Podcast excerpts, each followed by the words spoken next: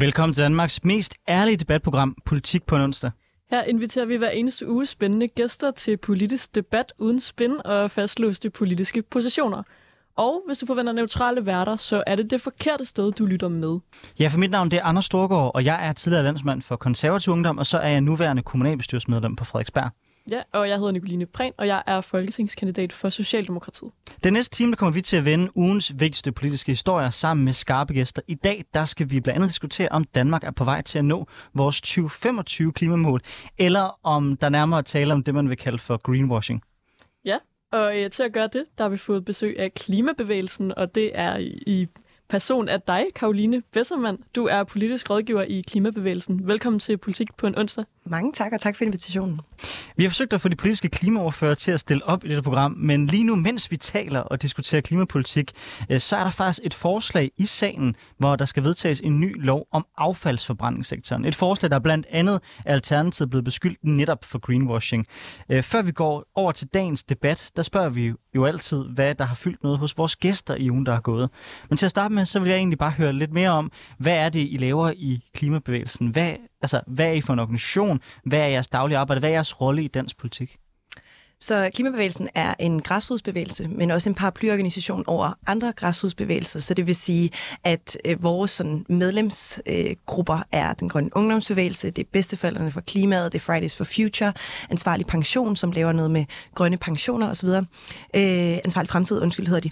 Og det vi jo laver er, øh, vi forvalter rigtig meget øh, den her, sådan, hvad kan man sige, kobling fra øh, borgerne, og så ind og, og gøre det politisk, og sørge for, at når der så bliver udtalt øh, ting omkring øh, klimaområdet, at vi så sørger for, at her kommer der nogle folk ind, som selvfølgelig har nogle meget stærke holdninger øh, på klimaområdet, men ikke nødvendigvis er affilieret med et eller andet øh, parti eller nogle andre former for kommersielle interesser. Så på den måde så ser vi os selv lidt som folkets stemme af alle de forskellige grupperinger, der ligesom er en del af os. Og nu er det nogle af de organisationer, der er med, men det er vel også sådan, at man kan være medlem øh, som almindelig borger. Øh, ja. Hvor mange medlemmer har I? Lige nu, der tror jeg, vi har om, øh, i omegnen af 3.000. Ja, men vi har lige fået en fondsbevilling, som netop gør, at vi skal, øh, hvad kan man sige, skalere op på medlemmer. Så det vil sige, før har det bare været ret løst organiseret. Der har ikke ligesom været nogen indsats for at sige, når ja, du kan også melde dig ind som medlem af Klimabevægelsen. Øh, og det håber vi jo på at gøre nu, så folk, der har mega travlt, men synes, at det er mega vigtigt, øh, at klimadagsordenen også bliver, der bliver holdt øje med den og en eller anden form for vagthund der, øh, kan melde sig ind og så ligesom være trygge ved, at der er nogen, der sidder og følger med der. Ja, fordi hvordan er I organiseret? Det tror jeg, jeg synes kunne være meget spændende. Altså ja. vælger I har I generalforsamling, hvor I vælger nogen til en bestyrelse, en forperson? Ja, så øh, der er generalforsamlinger, øh, og vi har en bestyrelse, som ligesom sidder, og så er, hvad kan man sige, det øverste besluttende organ øh, for sekretariatet, som jeg sidder i som øh, politisk rådgiver. Øh, og på sekretariatet, der sidder vi hvad, cirka fem øh, mere eller mindre fuldtidsansatte, og så nogen på deltid, øh, et par stykker. Øhm, og så ja, har vi en bestyrelse, som er bestående af både repræsentanter for vores medlemsgrupper, men også bare øh, almene medlemmer af, af klimabevægelsen. Og så kan man være aktiv rundt omkring i landet, har vi jo forskellige lokale grupper, hvor man så ligesom har ret meget autonomi til at lave de øh, aktiviteter, man synes er fede. Så er I primært en paraplyorganisation for forskellige ligesom, klimagrupper, mm. eller øh, har I også jeres, altså, udvikler I jeres egen øh, klimapolitik, for eksempel? Øh, så vi udvikler også vores egen klimapolitik og har også vores egen holdning, øh, men er også bare den her paraplyorganisation for de andre bevægelser, kan man sige. Så det, det er lidt øh, begge ting. Mm. Noget af det, jeg synes, der, der er fedt ved det her program, det er, at vi også kan tale ret åbent øh, om vores bias og hvad vi mener. Øh, og jeg er selv medlem af Klimabevægelsen. Noget af det, jeg synes, der er fedt ved jeres måde at arbejde på, modsat eksempelvis en organisation som Extinction Rebellion, det er, at jeg synes, I er ret konstruktive i den tilgang, I fører politik på. Altså, I kommer typisk også med nogle konkrete anvisninger af løsninger og af forslag til politikerne. Er det sådan en bevidst vision, der er bag det, I laver, eller er det bare, fordi I er summen af så mange forskellige aktører, og, og mm. dermed måske har en lidt anden rolle? Altså, hvordan ser I jeres rolle i den bredere grønne øh, bevægelse? Altså, jeg tror øh, som sådan, øh, at det handler om, at Øh, skal man sparke ind med noget i klimadebatten, så nytter det ikke længere noget at sige, at klimakrisen er vigtig, vi skal sørge for at overholde Paris-aftalen. Man skal egentlig også gå ind og have nogle meninger om, hvordan når vi derhen. Øh, og der er vi bare sådan rimelig skarpe på, hvad vi synes øh, giver mest mening, øh, hvad, der, hvad vi ser som de sikreste løsninger, og som de mest implementerbare løsninger, der hurtigt kan få en effekt, som vi, altså, hvor vi vil gerne være på den sikre side. Øhm, og der er jo ret mange, altså vi støtter os rigtig meget op af for eksempel øh, Klimarådet, fordi vi ved, at der er nogle videnskapaciteter derude, der er rigtig dygtige til også at komme med anbefalinger, og så sidder vi ligesom og vurderer, hvad vi synes, øh, der ringer genklang hos os, øh, og så måske ikke gør det inde på Christiansborg. Så på den måde, så kan man sige, øh, ja, vi er ikke blege for at, at pege på det, vi synes øh, giver allermest mening, og der er nogle sådan rimelig klare linjer til, hvad vi synes øh, er logik, og hvad der ikke er.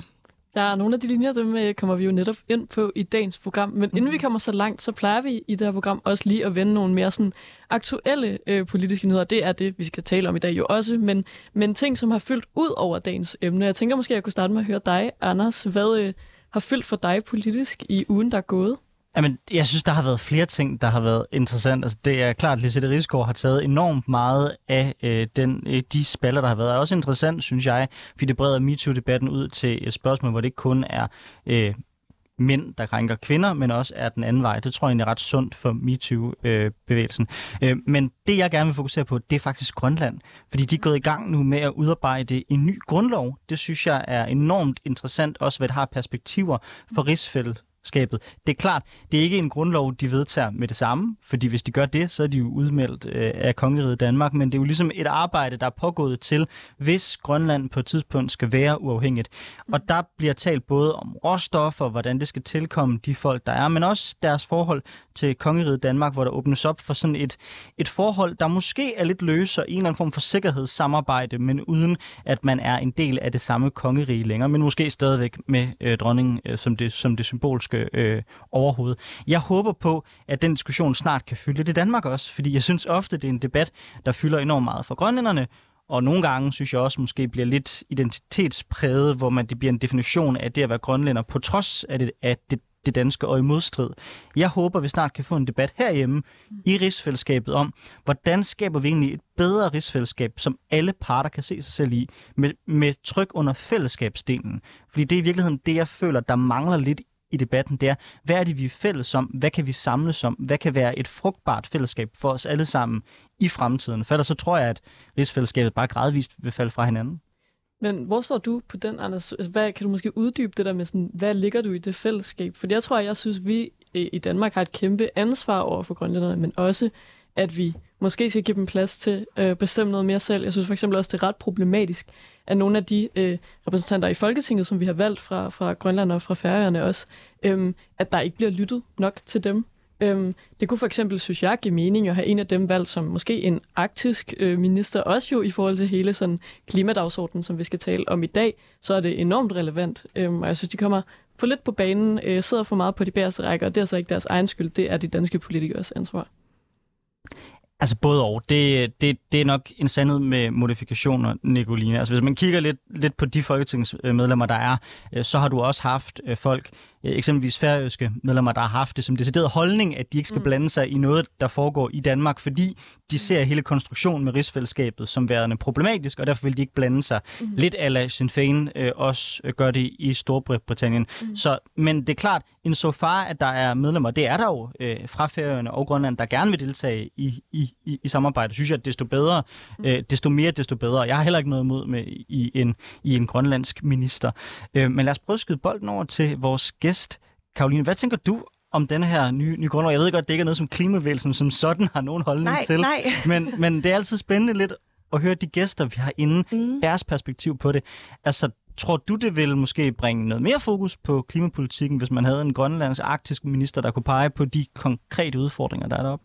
Helt sikkert. Altså det tror jeg. Jeg tror, øh, jeg er ikke af den overbevisning, at vi kan sidde her og kloge os i Danmark omkring, hvad det er for nogle øh, specifikke forhold og udfordringer, der er i Grønland. Og, og især når vi så taler om klima og ressourcer og øh, klimakrisens konsekvenser, som jo bliver meget, meget tydelige i Grønland, så tror jeg, det er helt vildt afgørende, at de får en anden og en ny og mere sådan, øh, lidt påstående stemme i forhold til at sige fra over for Danmark, der har en tendens til at være sådan, der er tjek på det, mm. det hele det kører, vi, vi skal nok løse det, og så må I ligesom passe jeres biks op. Eller sådan, øhm, på den måde, så, så tror jeg, det er rigtig, rigtig smart, at Grønland kommer mere på banen, øh, og sådan helt, ja, det, det er mærkeligt, eller sådan, det her bliver også min egen personlige mm. holdning, men jeg synes, der skal moderniseres det her øh, koloniale forhold, som der egentlig er, som er sådan, øhm, for mig at se totalt ud af trit med, med virkeligheden. Synes du, øh, der er et kolonialt forhold i dag mellem Danmark og Grønland? Ja, det, det vil jeg sige.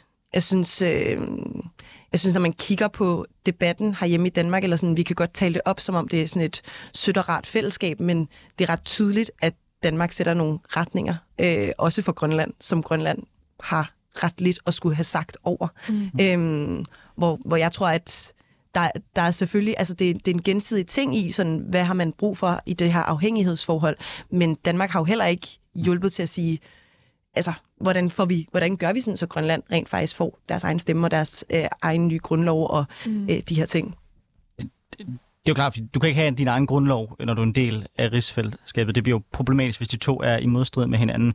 Men personligt synes jeg, det er ret absurd at tale om et kolonialt forhold i en situation, hvor alle danske regeringer, så længe jeg har været politisk aktiv, har haft den helt klare holdning, at hvis grønlænderne ønsker at løsrive sig, så er det grønlændernes ret, og det kan de, mm. samtidig med, at der er en ret stor overførsel af penge fra Danmark til Grønland, mm. vil jeg bare gerne, gerne, gerne sige. Så det forhold, der er, det eksisterer jo kun i dag, fordi den grønlandske regering stadigvæk ønsker at være en, være en del af det. Det er ganske Jamen, ret, men, fordi men... de ikke har økonomien til at være selv selvstændig. Men, men der, er ikke nogen, der er ikke nogen dansk regering, der har sagt til Grønland, at de ikke kan være uafhængige. Men Anders, der kan man så måske tale om, hvorfor den grønlandske økonomi så er så dårlig, og derfor er nødt til at være afhængig af den danske. Det er jo blandt andet også på grund af nogle af de sådan, rimelig forfærdelige ting, som øh, vi i Danmark har gjort over for grønlanderne. Nej, det er det ikke. Det er fordi, at man i Grønland ikke rigtig har nogen industri, og heller ikke har haft det tidligere, øh, og er afhængig af nogle erhverv, der ikke er særlig indbringende rent økonomisk set. Men noget, der kunne være interessant at bringe ind i det spørgsmål, også når vi har klimabevægelsen mm-hmm. det er jo, at der bliver nævnt specifikt det her spørgsmål om mineraler. Øh, og det er jo lidt indirekte også øh, den lidt betændte sag på Grønland om Kvanefelt, hvor der er ret massive ressourcer, der er nødvendige for den grønne omstilling. Alle de sjældne jordarter, vi skal bruge i den grønne omstilling hvis man miner dem i Grønland, vil det jo være på bekostning sandsynligvis af miljøet deroppe, fordi det, det er en ret voldsom udledning, der er forbundet med at mine de her råstoffer. Hvor ser du det kort henne? Fordi det, det er jo et vildt stort dilemma mellem miljø og klima, tænker ja, jeg. klart. Øhm, nu kender jeg ikke til det konkrete felt, så det skal jeg bare lige sige, inden at jeg er slet ikke ekspert på det. Øhm, men jeg, jeg tror, det der er væsentligt i vores øh, grønne omstilling, det er, at vi ikke kigger på øh, klimakrisen for sig og øh, hvad kan man sige, miljø- og biodiversitetskrisen for sig. De her kriser er øh, totalt afhængige af hinanden, og det vil sige, fucker vi op et sted, så fucker vi også op i de andre kriser. Eller sådan, de kommer til at accelerere hinanden. Så derfor så øh, tror jeg, at det er farligt, at vi laver den her modstridende, sådan, hvad er så vigtigst, fordi det hele er øh, lige vigtigt. Øh, derfor skal man, skal man kigge på, og jeg tror generelt set, både med klimakrisen øh, miljøkrisen, eller naturkrisen og biodiversitetskrisen, handler det om brug af ressourcer. Og hvordan gør vi det ordentligt, og hvordan værner vi om det? Og der tror jeg, at øh, at lave den her logik, hvor vi siger, at vi skal bare have så mange som muligt af de her mineraler op, øh, og så måske lidt hovedløst kaste dem ind i de her ting, vi gerne vil have lavet, uden måske at vurdere, er de her ting nødvendige, øh, og hvad er det egentlig, vi har tænkt os, at, eller hvad er det for en skade, vi så påfører miljøet op i Grønland, for at få de her mineraler op til whatever, øh, vi har behov for andre steder, der, der, skal man, der skal man tage et kig på og sige, sådan, hvad er det egentlig et forsvarligt ressourceforbrug? Og det gør sig gældende i alle de her kriser, og derfor så tror jeg, at det er den afvejning, man skal lave fra sag til sag, sådan, øh, netop at vi har nogle økologiske og planetære grænser her, som vi ikke kan overskride, hverken på klima eller miljø. Karoline Bessmann, velkommen til Politik på onsdag. Lad os gå over til dagens debat.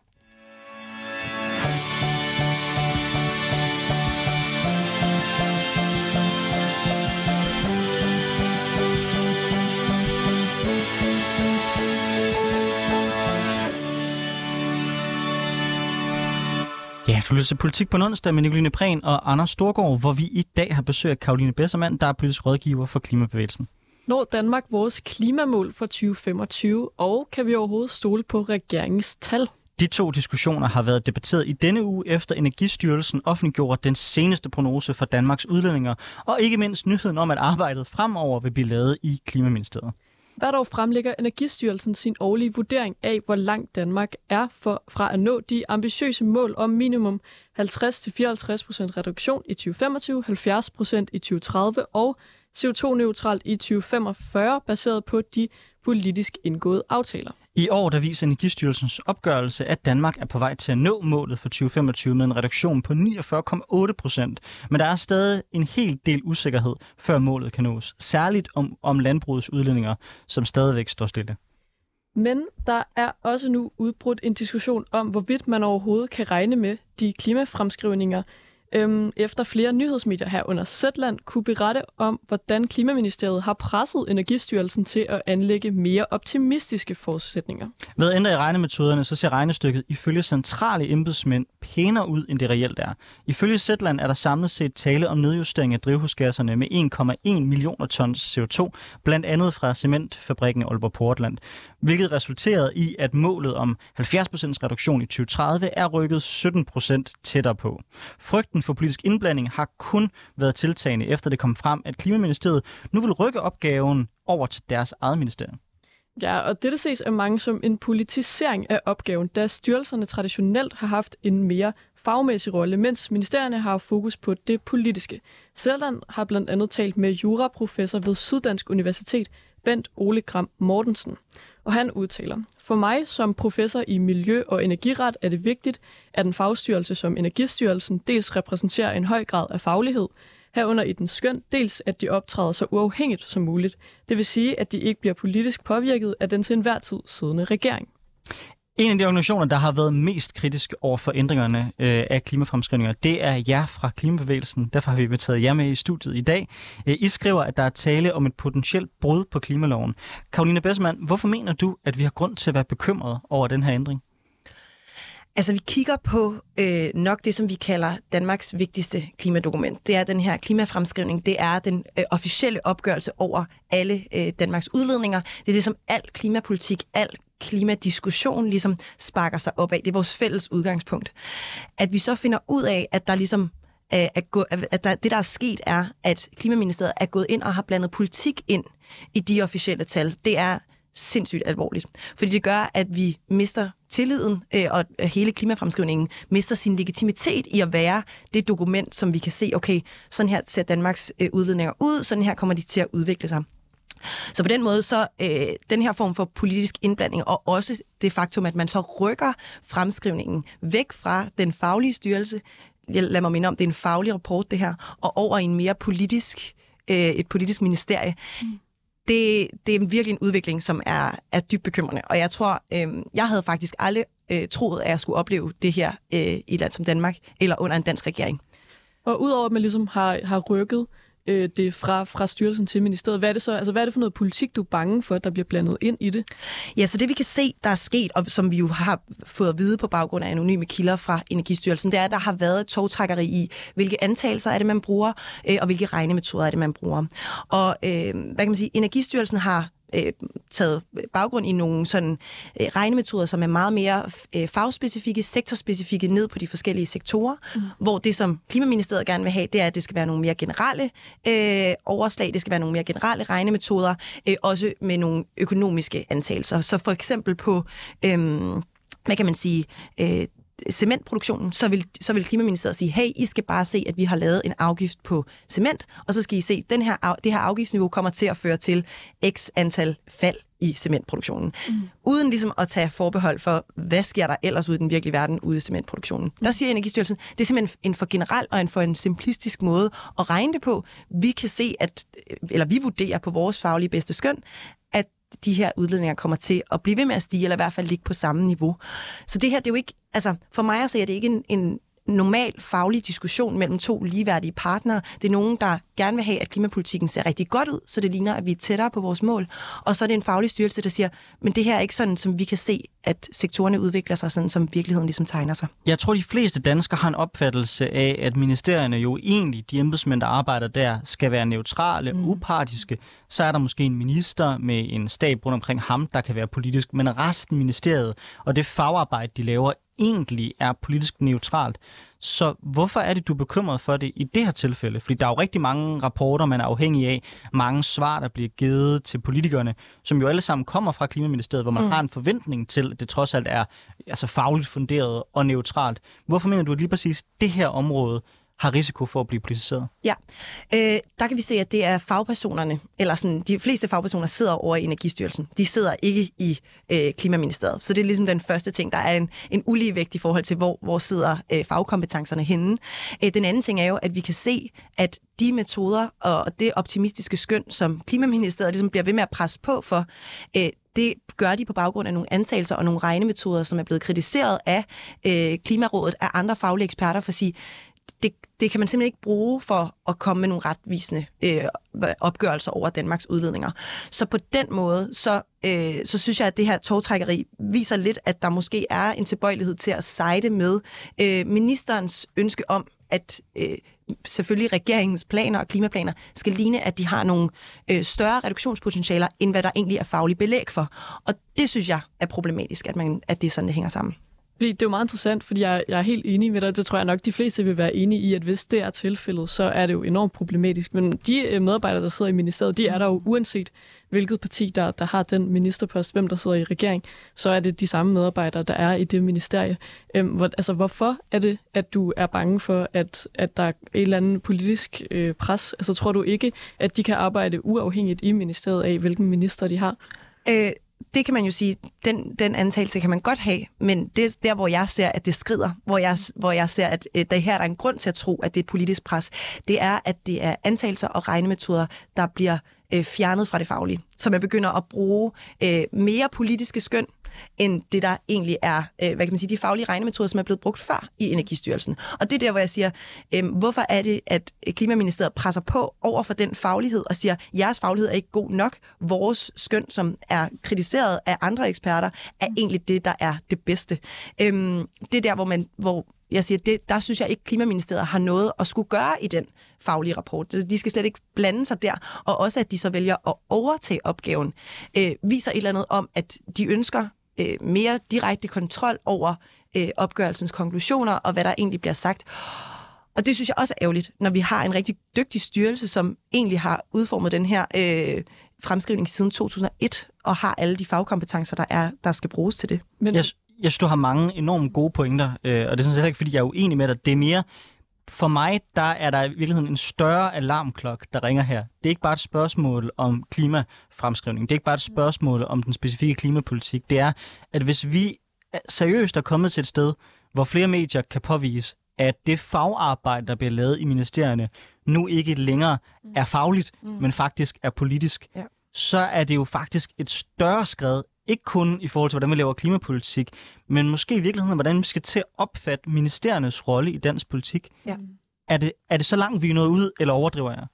Jeg synes, øh, den her sag får hele demokratiet til at skælve. Eller sådan, så ja, det handler ikke kun om klima. Det handler om den, vores helt grundlæggende tillid til ministerierne, som alle, som ligesom er det, der gør, at, at vores demokrati kan holde sig oprejst. Mm. Det er, at vi stol, kan stole på de offentlige, øh, officielle opgørelser, vi får inden fra ministerierne og fra styrelserne. Det er ligesom, for mig at se det, der er på spil her. Og det tegner også videre til noget, øh, som vi egentlig har fået nogle alarmklokker for tidligere. Øh, Dybvad-rapporten kom ud her tidligere på året, som var sket på baggrund af min kommissionen, hvor de havde spurgt nogle embedsfolk, hvordan synes du balancen er mellem dit faglige arbejde og din politiske uafhængighed, og så også at skulle servicere et politisk system. Og der var det jo halvdelen af alle de adspurgte embedsmænd, der sagde, jeg synes, det er svært at bevare min faglighed, samtidig med, at jeg skal servicere øh, det politiske. Og det viser bare, at der måske er en udvikling, der er trukket langt mere over i et politisk rum, end et fagligt rum. Og det er jo der, hvor embedsværket virkelig, altså for mig at se, det vigtigste, de kan gøre nu, det er at få skubbet politikerne ud i en armslængde igen. Mm. Og de skal knuge det her kodex 7, som de har, øh, i forhold til at sige, vi skal være politisk uafhængige. Det skal de gøre, så sige, der er ligesom en grænse for politisk indblanding her, og så skal de sørge for, at de faglige og i tekniske rapporter, som for eksempel klimafremskrivning, der har politik og politiske præferencer, politiske hensyn, ikke noget at gøre.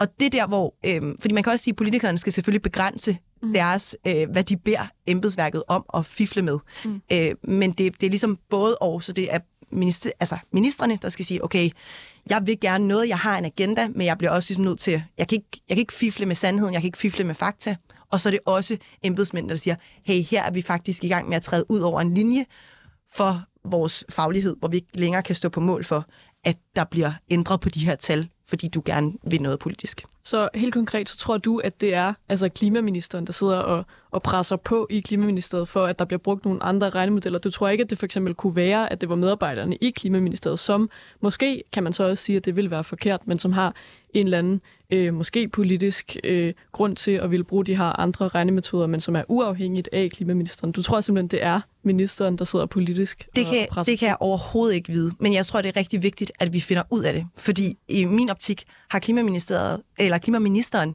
mm. været involveret i det her så kan jeg ikke se, øh, jeg kan simpelthen ikke se grunden til, at han så kunne blive siddende. Mm. Eller sådan, vi ser det også, vi har set det fra ministre tidligere, mm. Eva Kjær Hansen, da der var den her famøse Gyllegate i 2016, mm. hvor det var noget øh, øh, noget forskellige kvælstof, nogle forskellige kvælstofstal, der var blevet ændret lidt på. Hun var også nødt til at gå af, og der var der også øh, rystelser i hele, hvad kan man sige, både det politiske og embedsværket. Det samme med Benny Engelbrecht, der var nødt til at gå af, fordi der var blevet lagt låg på nogle klimatal øh, for mm. Danmarks største infrastrukturplan. Han var også nødt til at gå, fordi han i sidste ende jo er ansvarlig.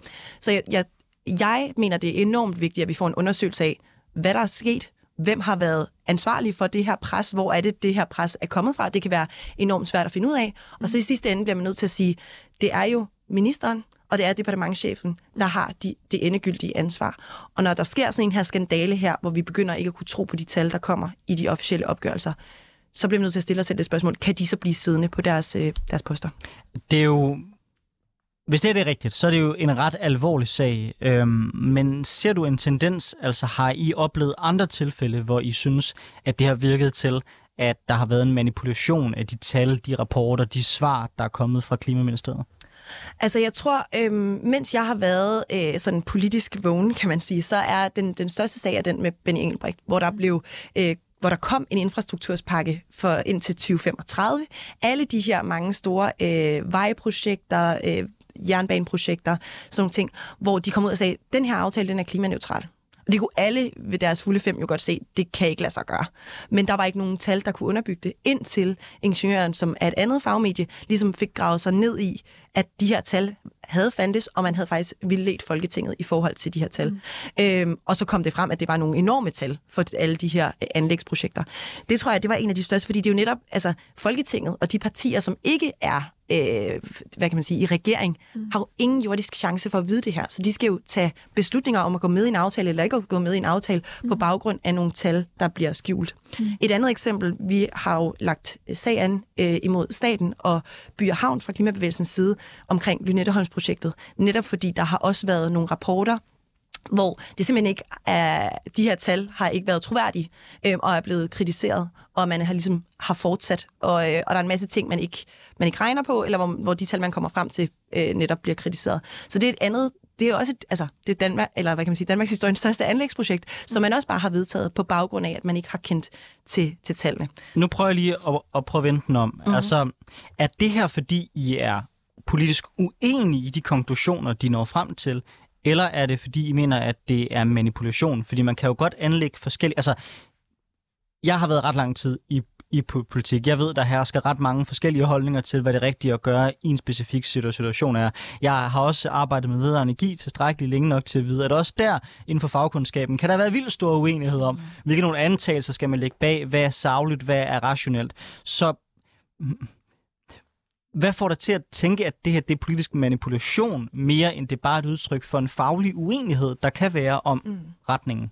Jeg tror, det handler om, øh, netop som vi har været lidt inde på, de antagelser og de regnemetoder, som det er, Klimaministeriet gør sig til advokat for. Hvilke er metoder, som øh, de fageksperter, der også står uden om embedsværket, siger, prøv at høre venner, det er ikke det faglige bedste skøn, det her. Mm. Så, så for mig at se, så, så øh, kan jeg være dybt uenig i, at jeg ikke synes, at vi får lige så meget ud af CCS og cement, men, men jeg lytter egentlig til de fageksperter, der siger, hey, det her det er ikke måden, hvorpå vi bedst regner det her inden for den her specifikke sektor, i forhold til at få det mest retvisende tal. Mm. Og der, der synes jeg altså, at øh, fagligheden, lige meget om man er uenig eller ej, skal sejre. Så det vil sige, havde man fundet ud af noget andet på baggrund af det her, så havde jeg været lige så kritisk over, for at man rykkede rapporten fra, øh, fra Energistyrelsen over til Klimaministeriet. Hvis jeg måske helt ind til benet, er det det, at konsekvent, når de er uenige med fag, eksperterne, så er det fordi, de er mere optimistiske, altså at de antager, at CO2-udledningerne er lavere. Er det det, at der konsekvent er en bias mod, at de placerer udledningerne som værende lavere,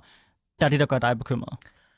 Øhm, det, altså, man kan Fordi sige helt eksperter ned... er jo hele tiden uenige, også klar, om klar. konklusioner. Øh, og det, man kan sige, er, Øh, det er jo det, eller klimamæssigt er det jo det, jeg ser, som jeg ser problematisk. Men det er jo især også problematisk, fordi det ene er baseret mere på faglighed, og mere på at være sektorspecifik og være nuanceret, end det andet er. Det andet er sådan overordnet skøn.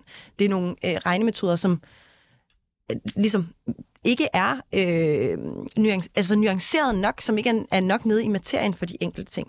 Så jeg tror, det er lidt, det er lidt der, hvor sådan, det er, man, kan godt være, man kan godt være uenig omkring antagelser omkring ting, men alle, og det er jo ikke kun os, der kommer og kritiserer det her, de fleste, der kigger på den her sag, er ret enige om, at her er der sket øh, et skred fra, at man lige pludselig begynder at argumentere for nogle andre antagelser og nogle andre regnemetoder, ikke på grund af en faglig uenighed, men fordi det giver nogle bedre tal. Men, men det er fordi, der er vel ret langt fra at være uenige om de øh, udregningsmetoder, der bruges. Der er også folk i klimadebatten derude, der siger, at Finansministeriet skal regne nogle andre, tage nogle andre ting mm. med ind i deres regnemodeller og sådan noget. Det er jo ting, man kan diskutere, ligesom man kan diskutere alt muligt andet øh, metode, der bruges i den politiske verden. Men så fra det og så til at sige, at det er klimaministeren, der politisk sidder og presser på, og at han måske skal, skal gå af. Altså, er du sikker på, at det er det, det handler om? Igen, så ved jeg ikke, om hvad klimaministeren har haft af indflydelse på det her. Øh, det eneste, vi kan se, det er, at der har været øh, rigtig mange, rigtig mange måneders togtrækkerier på enormt centrale områder i klimafremskrivningen, som vi ikke øh, nødvendigvis er kommet til lys før. Mm. Og det bekymrer øh, fagfolk i Energistyrelsen så meget, så de bliver nødt til at gå til medierne og sige, hey, vores faglighed bliver faktisk trumfet og presset så meget her, at vi har svært ved at stå inden for de tal, som vi egentlig sender ud. Og det der, hvor der også er et, et magtforhold, som jeg synes er ulige, fordi vi bliver bare nødt til at anerkende, at der er mere faglighed over i Energistyrelsen, end specifikt når det kommer til klimafremskrivningen, end der er i departementet eller i Klimaministeriet. Og derfor så, at de siger, prøv at høre, I skal bruge de her regnemetoder, vi er faktisk ret ligeglade, eller sådan, vi gider ikke lytte til jeres faglige argumenter, nu skal I bruge dem her, så det ser bedre ud, plus at vi overtager opgaven med at skrive den her øh, rapport fremover, som der heller ikke er nogen faglig begrundelse for. Mm. Det er det, der bekymrer mig. Øh, fordi det gør det jo netop, altså frygten er, at det kan blive til et politisk produkt, og så kommer vi til at have rigtig svært ved at kunne tale ud fra de tal, og så skal vi stå og bruge, jeg ved ikke, hvor mange debatter på, at Lars Ågaard kan sige, at ah, det går så godt med at nå 2025-mål, og så siger jeg, at det er så fordi, at nu regner I baseret på de her forskellige ting, som alle fageksperterne er, uen, eller sådan, er uenige i, er de mest retvisende tal. Og der mener jeg, at det bremser jo den grønne omstilling enormt meget i en situation, hvor vi allerede i forvejen har rigtig travlt. Ja, for jeg tror, at det, i virkeligheden kan vi måske alle tre her i studiet blive enige, blive enige om, at hvis det er det, der er tilfældet, hvis der har været politisk indblanding i, hvilke metoder, der bruges i ministeriet, så, altså, så er den jo helt gal. Men er, er du ikke også enig i, at det skal undersøges øh, nærmere, om det bare er, hvis der er en faglig begrundelse bag at bruge de her mm. anderledes regnemetoder, så kan det vel være, være okay. Så kan man godt være uenig i det, så er det måske vigtigt at sige, prøv at høre, hvis man regner på den her anden måde, så viser det faktisk nogle tal, som er værre. Det betyder måske, at vi skal rykke hurtigere, hvis slet ikke er kommet så langt, som vi tror. Men hvis der ligger en faglig begrundelse bag, og hvis det ikke har været på grund af ministerens indblanding, så, så er det vel i virkeligheden okay. Altså øh, igen, så tror jeg, at man skal, man skal passe på med at kalde det en faglig uenighed, fordi det vi bare kan se er, at fagligheden stiller sig på den ene side, og så er der et øh, politisk ministerie, der ønsker, at man bruger nogle andre ting. Øhm, så på den måde, så øh, helt sikkert, vi kunne godt bare godtage, at ministeriet så sagde, I skal bruge de her generelle øh, overslag fra de økonomiske modeller, ikke mm. andet. Men jeg tror, det, det bider os jo i halen til sidst, fordi det er os, der så om fem år kan kigge på de reelle udledninger. Vi skal huske på, at klimafremskrivning også er prognoser. Mm. Og så lige pludselig så står vi i en situation, hvor cementproduktionen ikke er faldet, hvor af, altså udledninger fra affald ikke er faldet, mm. hvor det heller ikke er faldet for diesel. Og så er vi sådan, okay, hvad skete der der? Hvorfor var prognoserne så dårlige? Og så kan vi øh, mm. hvad det hedder, kigge tilbage på den, netop den her diskussion, vi står og har nu, hvor man er i gang med at fjerne det her vigtige klimadokument væk fra fagligheden og over et sted, hvor mm. det bliver lidt mere politiske gissninger man taber sig jo ikke øh, ved at indstille sin vægt anderledes. Men det, der vel i bund og grund er spørgsmålet, det er, tror du, vi kan nå i mål med, fem, med 2025-målet uden at snyde på vægten? Uden at snyde på vægten. øhm, jeg kan blive rigtig bekymret med den nuværende regering, vil jeg faktisk sige. Øhm, og det handler jo både om, at nu står vi og skal diskutere, passer nogle tal, eller passer nogle tal ikke. Øhm, og så ser vi, at den måde, som de har sagt, de gerne vil nå til 2025-målet, det er hovedsageligt gennem biobrændsler. Mm. Og det er jo blevet... Ja, der kan jeg se på dig, du gerne vil sige noget.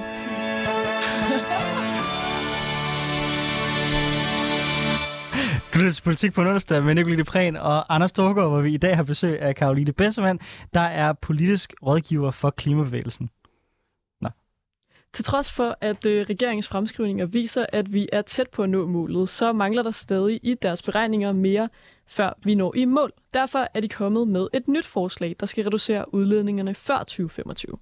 Konkret der foreslår regeringen, at der blandes mere biodiesel i transportsektoren, så en større andel af diesel for personbiler, busser og tung transport fremadrettet kommer fra biodiesel. Kort sagt vil man altså blande mere plante- og dyreolie i brændstofferne. Dette mener man vil reducere udledningerne med cirka 1 million ton.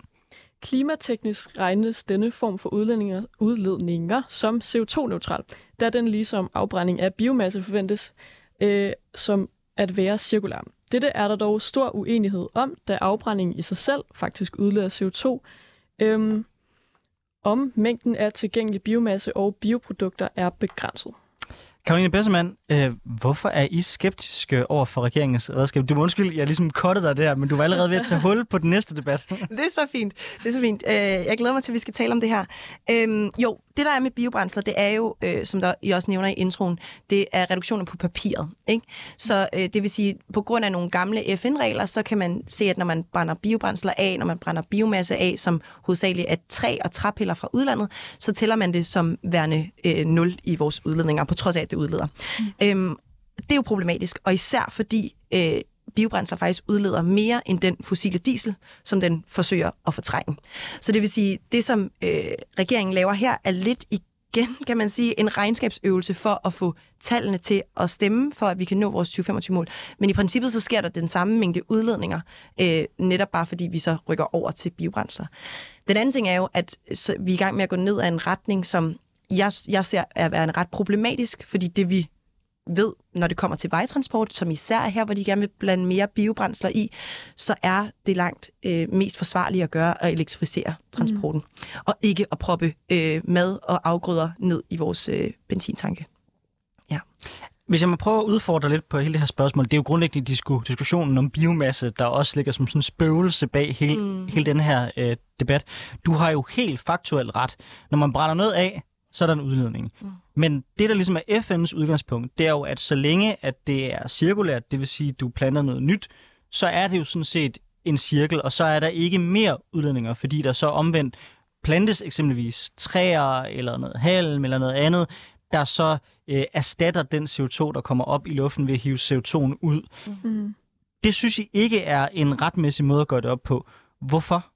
Nej, og FN har også været ude og specificere øh, deres regler, så man må gerne stadig regne på den her måde, men de har også været ude og problematisere deres egne gamle regler og sige, øh, det der er med de her udledninger, der sker fra eksempelvis øh, træafbrænding, det er jo, at øh, den udledning, der er, kommer til at gøre skade i den periode, indtil et nyt træ er vokset op. Så man har ligesom sådan en delay-effekt. Øh, så hvis der kommer det mængde nye træer, som man siger, der skal komme. Så selv hvis det er rigtigt, så bruger det enormt mange år på at opsuge den CO2, som så ligger og gør skade i mellemtiden. Og i et system, hvor vi allerede har for meget CO2 farne rundt i luften, så er det ikke særlig forsvarligt øhm, at gå og vente en masse år. Det andet er, at vi har opgørelserne over, kommer der rent faktisk den her beplantning, øh, som der, man siger, der skal være, er enormt øh, usikre. Og vi, vi har ikke rigtig styr på det, og det tror jeg også, hvis, hvis I havde kaldt nogle fageksperter herind på biomasse, ville de også sige, vi tror, der ligesom kommer den her samme beplanning, men mm. det, er, det er svært for os at holde øje med. Men hvad hvis man nu holder fast i, at der faktisk kommer den beplanning, at man gør det, som man også fortæller, at man har tænkt sig at gøre det? Er, er biomasse så ikke trods alt bedre, end at bruge fossile brændstoffer? Jeg, jeg tror det ikke, for jeg tror, det er en meget stor antagelse at sige, så kommer det bare. Og øh, så, så planter man ligesom de samme ting. Det, det er bare det, vi ser alle steder. Så øh, kan vi se, at alle de øh, carbon sinks, som vi havde før i forskellige skove rundt omkring i Europa, er faktisk blevet til øh, CO2-udledere. Så i stedet for, at de optager de her skove, så udleder de, fordi der sker mere afskovning, end øh, der sker ny beplantning. Så, så på den måde, så synes jeg, nej, så synes jeg ikke, det er forsvarligt at gå over til biomasse. Det vi også ved er, i forhold til det danske forbrug, så lige meget om der skete den samme, altså vi har jo begrænset mængde plads på jordkloden, så lige meget om der så kom de her nye, øh, nye træer, nye skove, øhm, så vil vi stadig ligge og bruge fire gange så meget, som er sådan forsvarligt bæredygtigt på lang, altså lang sigt i forhold til det danske forbrug. Ja, fordi vi kan godt blive enige om, at elektrificering af sol, vand og vindenergi vil være det bedste at gøre. Mm. Men kan biomasse ikke være ligesom et skridt på vejen, noget vi kan bruge måske i mellemtiden, indtil vi får omstillet det hele, som jo trods alt er bæredygtigt på den måde, at det er noget, man kan blive ved med at indhente? Mm. Altså, det farlige ved det er, at det er præcis det samme sagde vi om naturgas. Og det, det kan jeg huske, uh, Nord Stream uh, 1 og 2, de kom omkring da, det tidspunkt, hvor jeg blev født i 97. Mm. Så sådan, uh, der var man også sådan, det var bare et overgangsbrændsel, indtil vi fandt på noget nyt. Um, og det vi ser er, at perioderne for de her overgangsbrændsler er enormt lange, uh, og ikke særlig forsvarlige. Plus at øh, vi har altså bare en deadline, der er langt kortere, så hvis vi kan ikke længere kigge på overgangsløsninger, indtil vi har den rigtige løsning. Og lige nu, det er jo det, som Danmark i princippet også har gjort med biomasse. Det er jo 60 procent af det, vi kalder vedvarende energi i Danmark, har vi jo gjort os afhængige af biomasse, og nu står vi i en situation, hvor vi har en masse biomasseværker, øh, mm. men øh, hvor vi sådan, uh, det er faktisk ikke særlig forsvarligt, og det er ubæredygtigt for alle, at Danmark bruger så meget biomasse. Så skal vi ligesom til at omstille igen. Så på den måde, så, så altså, synes jeg, det er meget klart, at de teknologier, vi skal bruge til vores energiforsyning, er her, og det er ligesom de rigtige, vi skal gå med i første omgang. Hvis jeg antog, at øh, den biomasse og det biobrændsel, vi brugte, det var halm, mm. så vil der være cirka et års cyklus på det. Hvis vi nu antog, at det kun var den mængde restprodukt, vi har fra halmen, som man brugte til at iblande vores brændstoffer og i vores biomasse, mm. vil der så være et problem med at bruge biomasse? Nej, men igen så går vi ind i en antagelse her. Men, ja, men, nej, men, men bare hvor at sige... Hvis du lige først vil svare på det. Helt sikkert, helt sikkert. Så, så der er et niveau, hvor med biomasse er bæredygtigt. Helt sikkert. Og det er også det, som øh, IPCC og som Klimarådet læner sig op af. Det er det niveau, vi skal ned på. Så al biomasse i, i princippet, hvis vi får styr på systemet, og øh, hvad kan man sige, alt det her beplantning og sådan noget, sker forsvarligt og sker ikke på bekostning af urørt natur forskellige steder, fordi vi også ved, at plantet skov er værre end urørt skov. Så helt sikkert, så er der et niveau. Men det, som vi er i gang med nu med den nuværende regering, det er, at vi er i gang med at skabe endnu mere efterspørgsel efter noget, som vi allerede har gjort os for afhængige af. Så det vil sige, og det er jo det, når de sidder og kigger på, hvad det er for nogle biobrændselsting, så sidder eksperterne og siger, vi har ikke mere af det her biobrændsel nu tilgængeligt. Det vil sige, skal vi bruge biobrændsler, så skal vi dyrke flere afgrøder, hvor har vi tænkt os at gøre det, i forhold til, at Danmark allerede er en af de mest opdyrkede lande i verden, øhm, og også, hvad kan man sige, verden generelt set er presset af, at øh, vi skal dyrke flere afgrøder til ting. Jeg er nemlig også ret skeptisk over for mængden af biomasse, mm. vi, vi, vi bruger, men jeg synes nogle gange, at, at, at den pointe ligesom forsvinder lidt i debatten, at det er mængden, vi bruger. Mm. Fordi jeg kunne sagtens forestille mig en situation i fremtiden, hvor vi sagde, okay, skal vi have 60% op opdyrke landbrugsland. Det skal vi nok ikke. Lad os få noget mere produktionsskov. Der er mere af, den, af det træ, vi skal bruge til vores byggeri, og der er nogle grene, nogle, rest, nogle restprodukter der, mm. der kan bruges mm. i nogle andre sammenhænge. Så kunne jeg sagtens se en dynamik, hvor man også havde noget mere iblanding af noget biobrændsel eller noget, noget biomasse. Problemet for mig at se, det er, at vi importerer og afhenter markant mere end det, der er holdbart. Så skaber vi et marked, der gør, at man i andre lande deforester. Så hvis man sagde, mm. vi brugte lige så meget biobrændsel, som der var restprodukter i Danmark, så vil det være fint for mig. Men og det er bare det, der er spørgsmålet, ikke? I forhold til, vi blander også lidt øh, debatterne sammen her, hvor især øh, biobrændsel, der, der tror jeg, at den endegyldige løsning er, øh, at vi skal elektrificere. Så det vil sige, det, vi kan ikke i fremtiden ligesom basere os på, at vi skal have noget biobrændsel i mm. benzintanke, når der ikke kommer til at være benzintanke. Biomasse er lidt noget andet. Der kan jeg godt være enig med dig i, vi skal finde et lejde, som er forsvarligt. Mm. Øhm, men når det kommer til biobrændsel, så er det her bare øh, den totalt forkerte vej at gå. Også fordi vi skaber et marked for det. Så det vil sige, lige pludselig så skal vi bruge mere plads, og så øh, bliver der skabt statsligt en efterspørgsel efter øh, biobrændstof, fordi vi har lagt det her niveau, hvor det lige pludselig bliver lukrativt at sige, øh, godt før så, og det handler både om, der er jo forskellige generationer af biobrændstof. Så mm. første generations biobrændstof er med, eller sådan, det kunne man bruge til at give til mennesker, og det, det, det er jo øh, uforsvarligt. Der er regeringen også sådan, okay, det kan godt være, at vi skal have det ind og sige, øh, det skal ikke være med, men øh, lidt mere restprodukter, som er sådan de her anden generations biobrændser. Mm. Det man gør, når man går ind og skaber en efterspørgsel, som er for høj, uden at lægge et loft over det, som er bæredygtigt forsvarligt, det er, at så, så gør man det lukrativt at dyppe en pomfrit i noget frityrolie, og så tage den op igen og være sådan, det her det er et restprodukt af den her øh, frityr, øh, værsgo på DR's benzinbiler.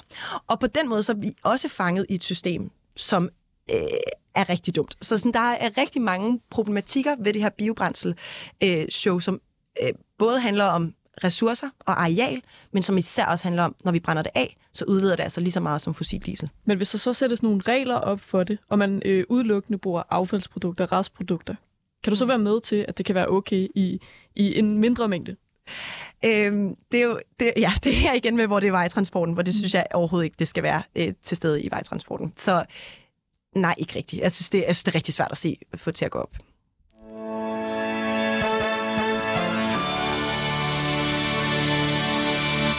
Du er til Politik på en onsdag med Nicoline Prehn og Anders Storgård, hvor vi i dag har besøg af Karoline Bessermann, der er politisk rådgiver for Klimabevægelsen. Mens vi tager den her diskussion her i studiet, så er alle folketingspolitikerne i gang med at debattere en ny lov om affaldssektoren. Den har en direkte betydning for klimafremskrivning og har i sig selv været genstand for stor kritik. For regeringen regner med, at loven skal lukke en række kommunale forbrændingsanlæg af affald, som skal reducere 0,6 millioner tons. Flere af disse anlæg, såsom hovedstadens Amager Ressourcecenter, importerer i dag skrald fra udlandet, da genanvendeligheden af skrald i Danmark nu har nået et niveau, hvor der er overkapacitet. Dette vil regeringen løse ved at skabe konkurrence om affaldet og lade nogle værker lukke. Ifølge Klimarådet er beregningerne dog forkerte. De forventer ikke, at anlæggene vil lukke, og dermed at der er der en stor usikkerhed om regeringens regnestykke, særligt i en så kort øh, tidshorisont. Hos kommunerne er man omvendt bange for, at de ender med at stå med en stor regning for de lukkede anlæg, hvis planen den lykkes. Karoline Bessemann, hvor står I henne på det her spørgsmål i, i klimabevægelsen? Fordi der er ikke nogen tvivl om, jeg tror også, det er optimistisk at tro, at der er anlæg, der lukker før 2025. Mm. Jeg synes også, det er vildt problematisk, hvis en masse kommuner står med en kæmpe stor regning, uden man har indtænkt det. Men jeg vil også samvendt sige, omvendt sige, er der ikke en udfordring ved, at vi har overkapacitet lige nu i Danmark, der på en eller anden måde skal adresseres? Jo, man kan sige, at det problematiske her øh, hænger lidt sammen med øh, biomassesnakken også. Altså det handler om, at vi skal begrænse vores mængde af affaldsforbrænding. Hvordan gør vi det smartest?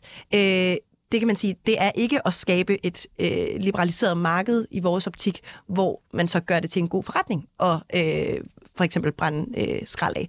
Og vi skal heller ikke aftage andre landes problem med deres affald og så sige, så brænder vi det bare af herhjemme. Eller sådan, afbrænding af biomasse, afbrænding af skrald er bare ikke vedvarende, eller sådan, og det, det skal vi ligesom have udfaset. Så på den måde skal man finde den rigtige metode på, hvordan man kommer derhen, og jeg tror ikke, det er at man på magisk vis udsætter de her affaldsforbrændinger for noget øh, fri konkurrence, så kommer der nogle andre aktører ind, og så lukker de. Øhm, så på den måde så er vi øh, lidt kritiske over for, at affaldsstrategien så øh, sådan snævert er fokuseret på en liberalisering, og man ikke ligesom får kigget på, hvordan får vi nedbragt mængden af affald generelt, hvordan får vi genanvendt mere, øh, og hvordan sørger vi for, at netop ikke at skulle altså, tage imod øh, importerede ting fra andre lande, som de ikke kan finde ud af at dele med, og så siger vi, så gør vi bare det der, der er skidt for jer. Men i dag er det jo allerede sådan, så at man kan importere skrald fra udlandet. Det ser vi jo netop, at ARK, Amager Ressourcecenter, gør. Mm. Øh, jeg har selv siddet øh, med den beslutning, og jeg prøvede at kæmpe imod alt, jeg overhovedet kunne. Til sidst fik jeg en pistol for panden og sige, hej, kunne du tænke dig, at Frederiksberg Kommune skal have en regning på 500 millioner kroner? Mm. Kan du vise, hvor den skal finde hendes øh, i vores budget? Og så måtte jeg svare, nej, det kan jeg ikke. Så det, der ligesom var ideen med det her, der er godt nok en tåbelig udformning af den, vil, vil jeg mene, men det var jo netop at sige, lad nu den affald, vi har i Danmark, ryge hen til de anlæg, der er mest effektive og mest miljøvenlige. Mm. Det er så ikke den lov, man har lavet. I stedet for har man lavet en lov, der til gode ser nogle helt andre ting. Men, men filosofien bag, lad affaldet sive derhen, hvor de mest effektive og miljøvenlige anlæg er, mm. Mm. er den ikke god nok? Jo og nej, fordi man kan sige, øh, jeg tror, det som mange vil så kalde de mest miljøvenlige anlæg, vil være dem, der på et tidspunkt kunne få noget CCS på sig, det vil sige det her Carbon Capture and Storage, hvor man kunne proppe det ned i undergrunden. Det er i hvert fald det, som Klimarådet og Kontitoren nogen gør sig til fortaler for. Helt sikkert. Det vi ikke ved med CCS, det er, hvornår kommer det til at virke, og i hvilken kapacitet kommer det til at virke. Så for mig at se er at tale om miljørigtig affaldsforbrænding i dag, bare lidt et fatamorgana, fordi det findes ikke rigtigt. Så det er lidt det, ligesom det, at det, kalde... Det er, du, det er du ret i, mm. men mhm. der er stadig forskel på, hvor effektiv mm. forbrændingsanlæggene er. Nogle kan måske få 60 procent ud af affaldet, andre mm. kan få 100 eller 110 procent. Så der er jo et kæmpestort gap i forhold til, mm. hvor meget varme man trods alt får ud af at brænde, Der giver det vel bedst mening at bruge dem, der er mest effektive. Altså, kan du ikke se det... sådan fidusen i det der med ligesom at lukke nogle værker, lave mm. noget konkurrence, øhm, sørge for, at det, det bliver på den mest effektive måde, og så måske stoppe med det her med at importere. Men man låser, man låser os lidt i affaldsforbrænding. Og det tror jeg, øh, det er en ting, der også gør sig gældende på rigtig mange andre sektorer, øh, at vi siger, at men Danmark er lige en my bedre end andre lande til at gøre det her, der, som er skidt for klimaet, som er skidt for miljøet. Vi så det på olie, vi ser det i dag på animalsk produktion. Vi siger, ah, vi er lige lidt bedre, hvis man lige regner sådan her. Øh, hvad med, at vi så bare bliver ved med at gøre det? Hvor jeg tror, at Danmark skal ligesom have, øh, vi skal tage et skridt tilbage og lige sige, er det overhovedet den rigtige aktivitet, vi har gang i her? I øh, den udfordring, vi står med. I forhold til, og der tror jeg bare, især i forhold til affaldsforbrænding og biomasseforbrænding, mm. der er vi, står vi lidt i den samme sådan limbo i, sådan, skal vi gøre det til et marked at brænde affald af i Danmark? Det synes jeg ikke, vi skal. Hvad skal vi så i stedet for? Jamen, når vi har talt om øh, forskellige, hvad kan man sige, øh, produktioner af vedvarende energi, mm. så har vi vind, vi har sol, der er noget læringsteknologi i gang.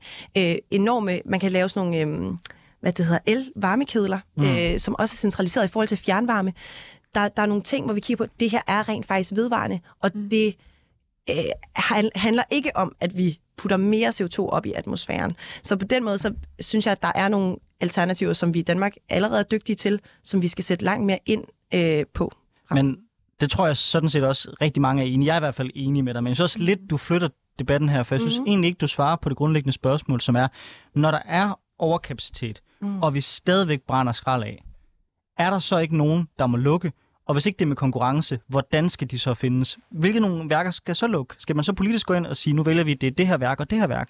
Vil det være en bedre løsning? Ja, altså, øh, jeg tror for mig at se, og hen, igen, der bevæger jeg mig måske et sted hen, hvor øh, klimabevægelsens politik ikke er mm. øh, nødvendigvis udformet, men der synes jeg, det, det giver langt bedre mening, at man fra politisk hold siger, at Danmark vil gerne brænde skrald af i den her kapacitet, og ikke mere, fordi det er det, vi forsvarligt kan, kan gøre. Mm. Øh, og så har man kontrol til at sige, hvad for nogle værker er det så mest forsvarligt, at vi lukker, fordi vi skal have nedbragt øh, kapaciteten af, hvor meget øh, affaldsforbrænding vi laver. Fordi en liberalisering gør jo, at der vil opstå nogle værker andre steder, eller sådan, der, kan man ikke, der kan man ikke på samme måde ligesom styre det. Og det, jeg er skeptisk over for generelt, øh, når det kommer til markedskræfterne, er, at der er rigtig mange eksternaliteter og øh, sociale hensyn og andre ting, som man ikke altid formår at inkorporere, bare ved at liberalisere og så sige, så er det nok de rigtige værker, der lukker. Der tror jeg bare, at der er noget kapacitet ude i de forskellige kommuner og ved affaldsforbrændingerne, der kan have nogle argumenter for netop, hvorfor er det, altså hvor skal vi centralt placere de her affaldsforbrændinger. Så på den måde, så lidt ligesom med, med andre former for vores energiforsyning, der synes jeg, det er rigtig forsvarligt, at det er øh, hvad kan man sige, statsligt ejet, og dermed, eller ikke statsligt ejet, men øh, at borgerne har en eller anden form for, for sag i, at men, det er centralt. Øh... Nu sagde du altså, at du bevæger dig lidt væk fra klimabevægelsens politik, fordi er det her ikke et spørgsmål, der på en eller anden måde går ud over, hvad der er bedst for, for klimaet, eller mest klimavenlig løsning? Altså er det, det handler vel om bare styre på, hvordan det hele skal fungere? Ja, altså det her handler bare om, at vi har ikke øh, udformet en politik omkring affald. Mm. Så det var bare lige, at jeg blev spurgt inden, om vi skulle tale om det. Og det, det her bare for at flagge, at sådan, ja. Det er slet ikke en færdig polstret løsning. Selvfølgelig. Ja. ja. Nå, jamen jeg tror ikke, vi når så meget mere, men Karoline Bessermann, tusind tak, fordi du var med i Politik på onsdag. Det var spændende at høre øh, klimabevægelsens perspektiver mm. på det her emne. Hvis man synes, det her var et interessant program, så kan man høre dette program øh, og mange andre, som vi har lavet på de podcast-platforme, man typisk bruger. Øh, vi anbefaler selvfølgelig 24-7's app. Der kan man også stille spørgsmål, komme med idéer til øh, fremtidige programmer. Og så øh, er vi klar igen næste onsdag, hvor at Nicoline Prehn sammen med Simon Fending vil overtage øh, Mike'en.